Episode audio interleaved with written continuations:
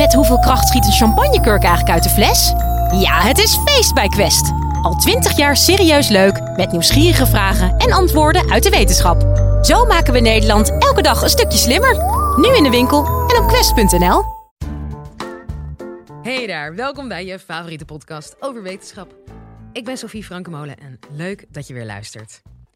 Aan de klanken van een accent hoor je al snel waar iemand vandaan komt. Zelf ben ik bijvoorbeeld heel gecharmeerd van het plat Haags, of een zachte G of de Twentse O. Maar er zijn heel veel mensen die eenmaal als ze in een andere stad of een andere plek aankomen, hun accent verwisselen voor een algemener accent. Abraham de Zwaan van de Universiteit van Amsterdam legt in dit college uit waarom ze dat doen. Live vanuit Club Air is dit de Universiteit van Nederland. Nou, om te beginnen, Brabanders moeten zich natuurlijk helemaal niet schamen voor hun accent. Want het is één van de manieren om Nederlands te spreken in dat grote, prachtige boeket van de Nederlandse taal. Maar toch is het ter zake. Talen zijn natuurlijk ook een badge, een identiteitsinsigne. Ze vertellen je iets over de groep waar je je toe rekent.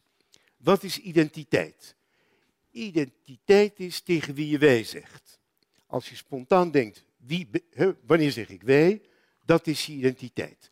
En dan merk je ook dat dat soms verschilt. Soms hoor je tot de ene wij en dan hoor je weer tot de andere wij. Soms zijn die wijen strijdig. Soms hou je er eentje een beetje voor je. Dus die, we hebben verschillende identiteiten. Maar daartoe hoort natuurlijk de taalgroep als een hele krachtige identiteitsmarker. En daarom zie je ook vaak dat er zulke heftige taalconflicten kunnen ontstaan. Wat is de Nederlandse identiteit? Nederlands. Het is heel duidelijk dat één van de bindende elementen in Nederland de taal is. En dan heb je meteen weer een identiteitsprobleem, want de Vlamingen spreken ook Nederlands, maar die horen er toch half bij. Dat is niet hetzelfde. Meestal als ik wij zeg, denk ik niet aan Vlaanderen. Wie weet verandert dat nog, maar nu is dat nog even niet zo. Goed, wij Nederlanders spreken Nederlands. Wat is dat voor een taal? Als je kijkt hoeveel sprekers het Nederlands heeft, is het een middelkleine taal. Want er zijn 17 miljoen Nederlanders, dan zijn er nog pakweg 7 miljoen Belgen die Nederlands spreken, Vlaams, maar dat is officieel Nederlands. En dan heb je nog een paar miljoen mensen die het spreken in den vreemde, in Suriname, op de eilanden. In Noord-Frankrijk is een klein groepje, rond Lille of Rijssel. Heel wat mensen in uh, Rijnland-Westfalen. Dan heb je natuurlijk de Walen die het zeer tegen hun zin op school als tweede taal moeten leren. En dan heb je nog twee enclaves in Spanje, uh, Torremolinos, en waar de pensionados onze taal in vreemde landen hoog houden. Dus zeg maar al met al zo'n 27 miljoen mensen. Daarmee staat Nederland ergens op de 35ste positie in de wereldtalen sprekersaantallen ranglijst. En dat is op 6000 talen nog zo gek niet. Je kunt ook kijken naar een hele moderne maat. Welke landen hebben een taal die het best geëquipeerd is voor het internet? Dus die een hele uitgebreide Wikipedia heeft en die uh, heel veel programma's in een Nederlandse versie heeft, die hele goede vertaalmachines hebben. En dan blijkt dat het Nederland op de zo achtste, tiende plaats komt. Nou hoort het eigenlijk al bij de grote landen. Nederland is een grote internettaal. Nou is dat Nederlands heel sterk verwant aan het Duits. Dat dacht u al, maar nog meer dan u dacht. Zelfs nog meer dan u nu denkt. En het is sterk verwant aan het Engels. Als je kijkt naar een lijst van 25 Europese talen, afgezet tegen vijf grote Europese talen, dan is er niet één verwantschap zo sterk in die hele tabel als tussen Nederlands en Duits. Ik denk, als wij niet een onafhankelijke, autonome Nederlandse staat gehad hadden, dan was Nederland, Nederlands allang een dialect, het Nederduits geweest, van het Duits. En het is ons narcisme van de kleine verschillen dat maakt dat wij dat volstrekt verschillende talen vinden. Dus, met andere woorden, dank aan het Nederlandse leger. Een taal is een dialect met een leger en dus is het Nederlands een taal. Niet alleen een taal, het is ook echt zo'n staatstaal, een planeet met allemaal kleine maandjes. Het Fries, het Gronings, nou, het Saxisch, de Twente willen hun taal erkend zien. Dus Allah, Saxisch is ook zo'n uh, maandje. Het Limburgs, dat Brabants, Zeeuws geldt ook als een eigen taal voor sommige taalkundigen. Het Papiaments, het uh, Surinaams. En nog een paar talen die eigenlijk brokstukken zijn van een andere planeet die nu om het Nederlands draaien. Turks en Marokkaans zijn natuurlijk thuis grote staatstalen, maar hier zijn het, draait een brokje daarom door de migratie rondom dat Nederlands als planeet. En al die mensen leren als ze een tweede taal leren het Nederlands. Daarin is het een echte planetaire staatstaal. We hebben het er al over gehad dat zo'n taal met enige drang en dwang wordt opgelegd. En bij ons heet die taal het ABN, Algemeen Beschaafd Nederlands. U begrijpt dat als u geen ABN spreekt, dan spreekt u bijzonder onbeschaafd on-Nederlands. En de meeste van ons zijn toch een goed deel van de tijd doende om te proberen netjes te praten. En de meeste van ons, vooral mensen die een wat hogere opleiding hebben en die werken in de sfeer van, van journalistiek en redactie of in uh, grote bedrijven. Kortom, zo zeg maar de middenklasse en de elite, die spreken een verzorgd Nederlands, dat ze een beetje onderscheidt van mensen die plat praten of die dialect praten, tussen aanhalingstekens. Want zo'n platte taal, zo'n dialecttaal, is precies even regelgestuurd, precies even complex, precies even rijk als het ABN. Daar zit in taalkundig opzicht eigenlijk geen verschil tussen. En die ABN-sprekers, die dat allemaal op school geleerd hebben en van hun ouders thuis, zelfs die moeten nog moeite doen om zich in allerlei dingen niet te vergissen. Bijvoorbeeld, het Duits heeft geslachten, maar het Nederlands heeft iets heel raars. Frans, mannelijk en vrouwelijk is één en daar tegenover staat uh, onzijdig. Je hebt de en je hebt het. Dat leidt tot allerlei misverstand. Iemand zegt, de vergadering liep nog lang uit. Het eindigde pas om middernacht. Dan is het slaat op de vergadering, maar dat moet zijn hij of zij. Maar we vinden het raar om hij of zij te zeggen als het slaat op vergadering. Of op raad, dan moet het hij zijn. Uh, je ziet het ook, het Duits heeft naamvallen, maar het Nederlands niet meer. Maar wel in de persoonlijke voornaamwoorden. Sint gaf hun een mooi cadeau. Sint bracht hen naar de haven. De een is hun, aan hen, leidend voorbeeld, de ander is hen. Daar worden voortdurend vergissingen in gemaakt.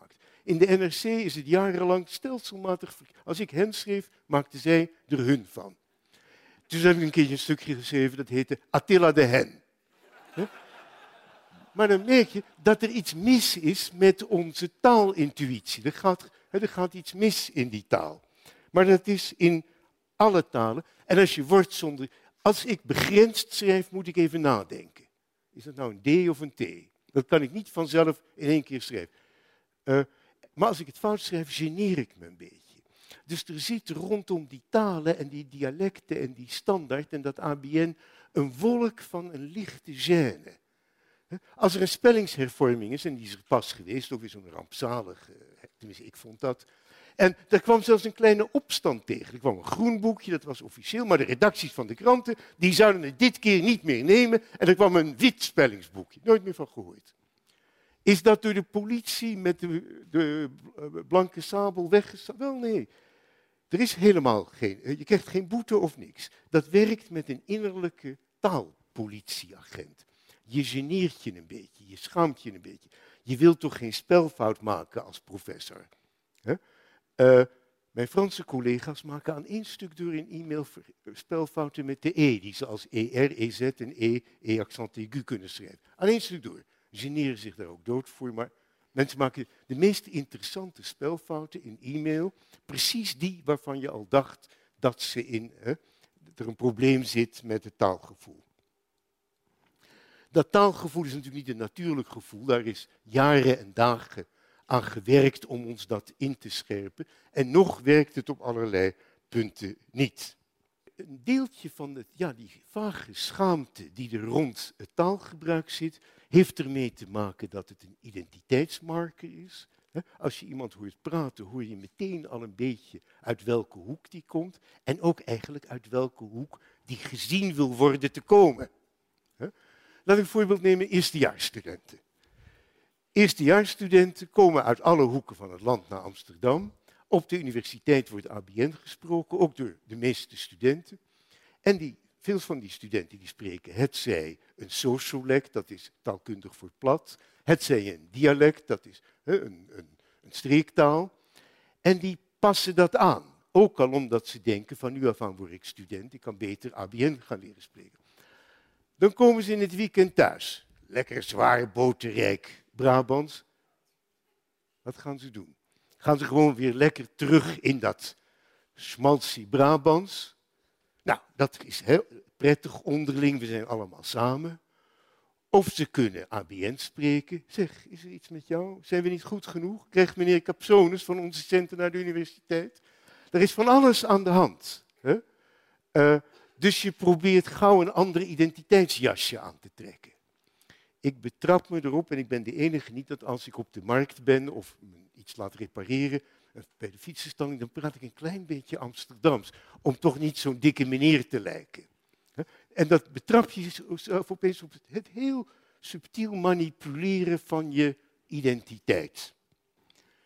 Dat is allemaal ook omringd met, met, met gêne, met identiteit, met de manier waarop je je probeert te presenteren in de samenleving. Gaat het Nederlands nou, wordt het bedreigd? Bijvoorbeeld door al die Engelse woorden? Nee. Vreemde woorden bedreigen een taal niet. Honderd jaar geleden was er meer Frans in het Nederlands, ook omdat de bovenlaag Frans sprak, dan er nu Engelse woorden in het Nederlands zijn. Dat doet er eigenlijk niets toe. Wat de kern van een taal uitmaakt is niet de woordenschat, maar zeg maar de uitspraak, de woordvolgorde en de grammatica-regels. En daar verandert eigenlijk bijna niets aan. Er zijn geen mensen die opeens met een Engels accent gaan praten. Er zijn mensen die ontzettend veel Engelse woorden gebruiken, maar niemand zegt opeens, uh, you moet komen hier. Dat zou idioot zijn. dus je ziet wat er hetzelfde blijft en wat er verandert. Maar tegelijkertijd is er nog iets anders gaande in het Nederlands. En dat is dat er domeinen zijn van taalgebruik, dus sectoren van de samenleving, waarin langzamerhand het Engels de overhand neemt. Het uitgaansleven, entertainment, public relations, publicity, need I say more? Uh, big science, uh, executive and corporate uh, environment. Dat zijn allemaal gebieden waar langzamerhand het Engels zo niet evenveel, of soms zelfs meer of uitsluitend gesproken. Ik geef les aan een college waar men Engels spreekt. En twee Nederlanders onder elkaar. Dat is niet fataal, maar daar moet je mee uitkijken. Want het zijn de coolste, de snelste, de levendigste en ook de meest aanzienlijke, de meest prestigieuze, de meest betalende sectoren waar dat Nederlands langzamerhand een beetje wordt weggedrukt. En dan blijf je zitten met het gevoel ja, dat je eigenlijk een beetje een miserig taaltje hebt. Dat niet modern, dat niet snel, dat niet rijk, dat niet groots is. Daar moeten we vooruit kijken. Dus laten we voorzichtig zijn met het overgeven van hele maatschappelijke domeinen aan het Engels. Dat wordt nog enorm versterkt niet door het officiële politiek van de Europese Unie, want die is van hoe meer talen, hoe mooier. En talen zijn de rijkdom van Europa. Pijn in mijn hoofd, al die talen. Maar in feite is de Europese Unie, die zich voordoet als grote verdediger van alle talen, de grote promotor van het Engels. Al was het maar door dat Erasmus-programma, waardoor studenten uit alle landen naar andere landen gaan om die landen te leren kennen en terechtkomen in een soort reservoir van Engels. Buitenlandse studenten leren Nederland niet kennen. Die gaan naar, het, gaan naar scholen waar ze, en universiteiten waar ze in het Engels worden onderwezen. Dankzij de Europese Unie. Ook dat kan een beetje een bedreiging vormen. En nog één opmerking hierover. Ik dacht altijd dat die vertaalmachines belachelijk knutselwerk zouden blijven. En dat denk ik niet meer. Binnen, hè, vertaalmachines zijn bezig een kwantensprong in kwaliteit te maken. En dat betekent dat binnenkort tussen de stevige talen, de rijke talen, de grote talen, automatische vertaling van vrij hoge kwaliteit mogelijk is. Dat gaat ongetwijfeld dat hele wereldtalenstelsel beïnvloeden en veranderen, maar we weten nog niet hoe. En tenslotte een loflied aan het Nederlands, maar uiteraard in het Engels. Give me that old-time language, oh Lord, give me that old-time language. Dutch was good enough for my dear parents. Dutch is good enough for me. Je hoorde Abraham de Zwaan. Fijn dat je weer luisterde en je weet het, elke week twee nieuwe afleveringen. In de volgende aflevering hebben we het over wat je in hemelsnaam op dit moment met je spaargeld moet doen. Tot dan!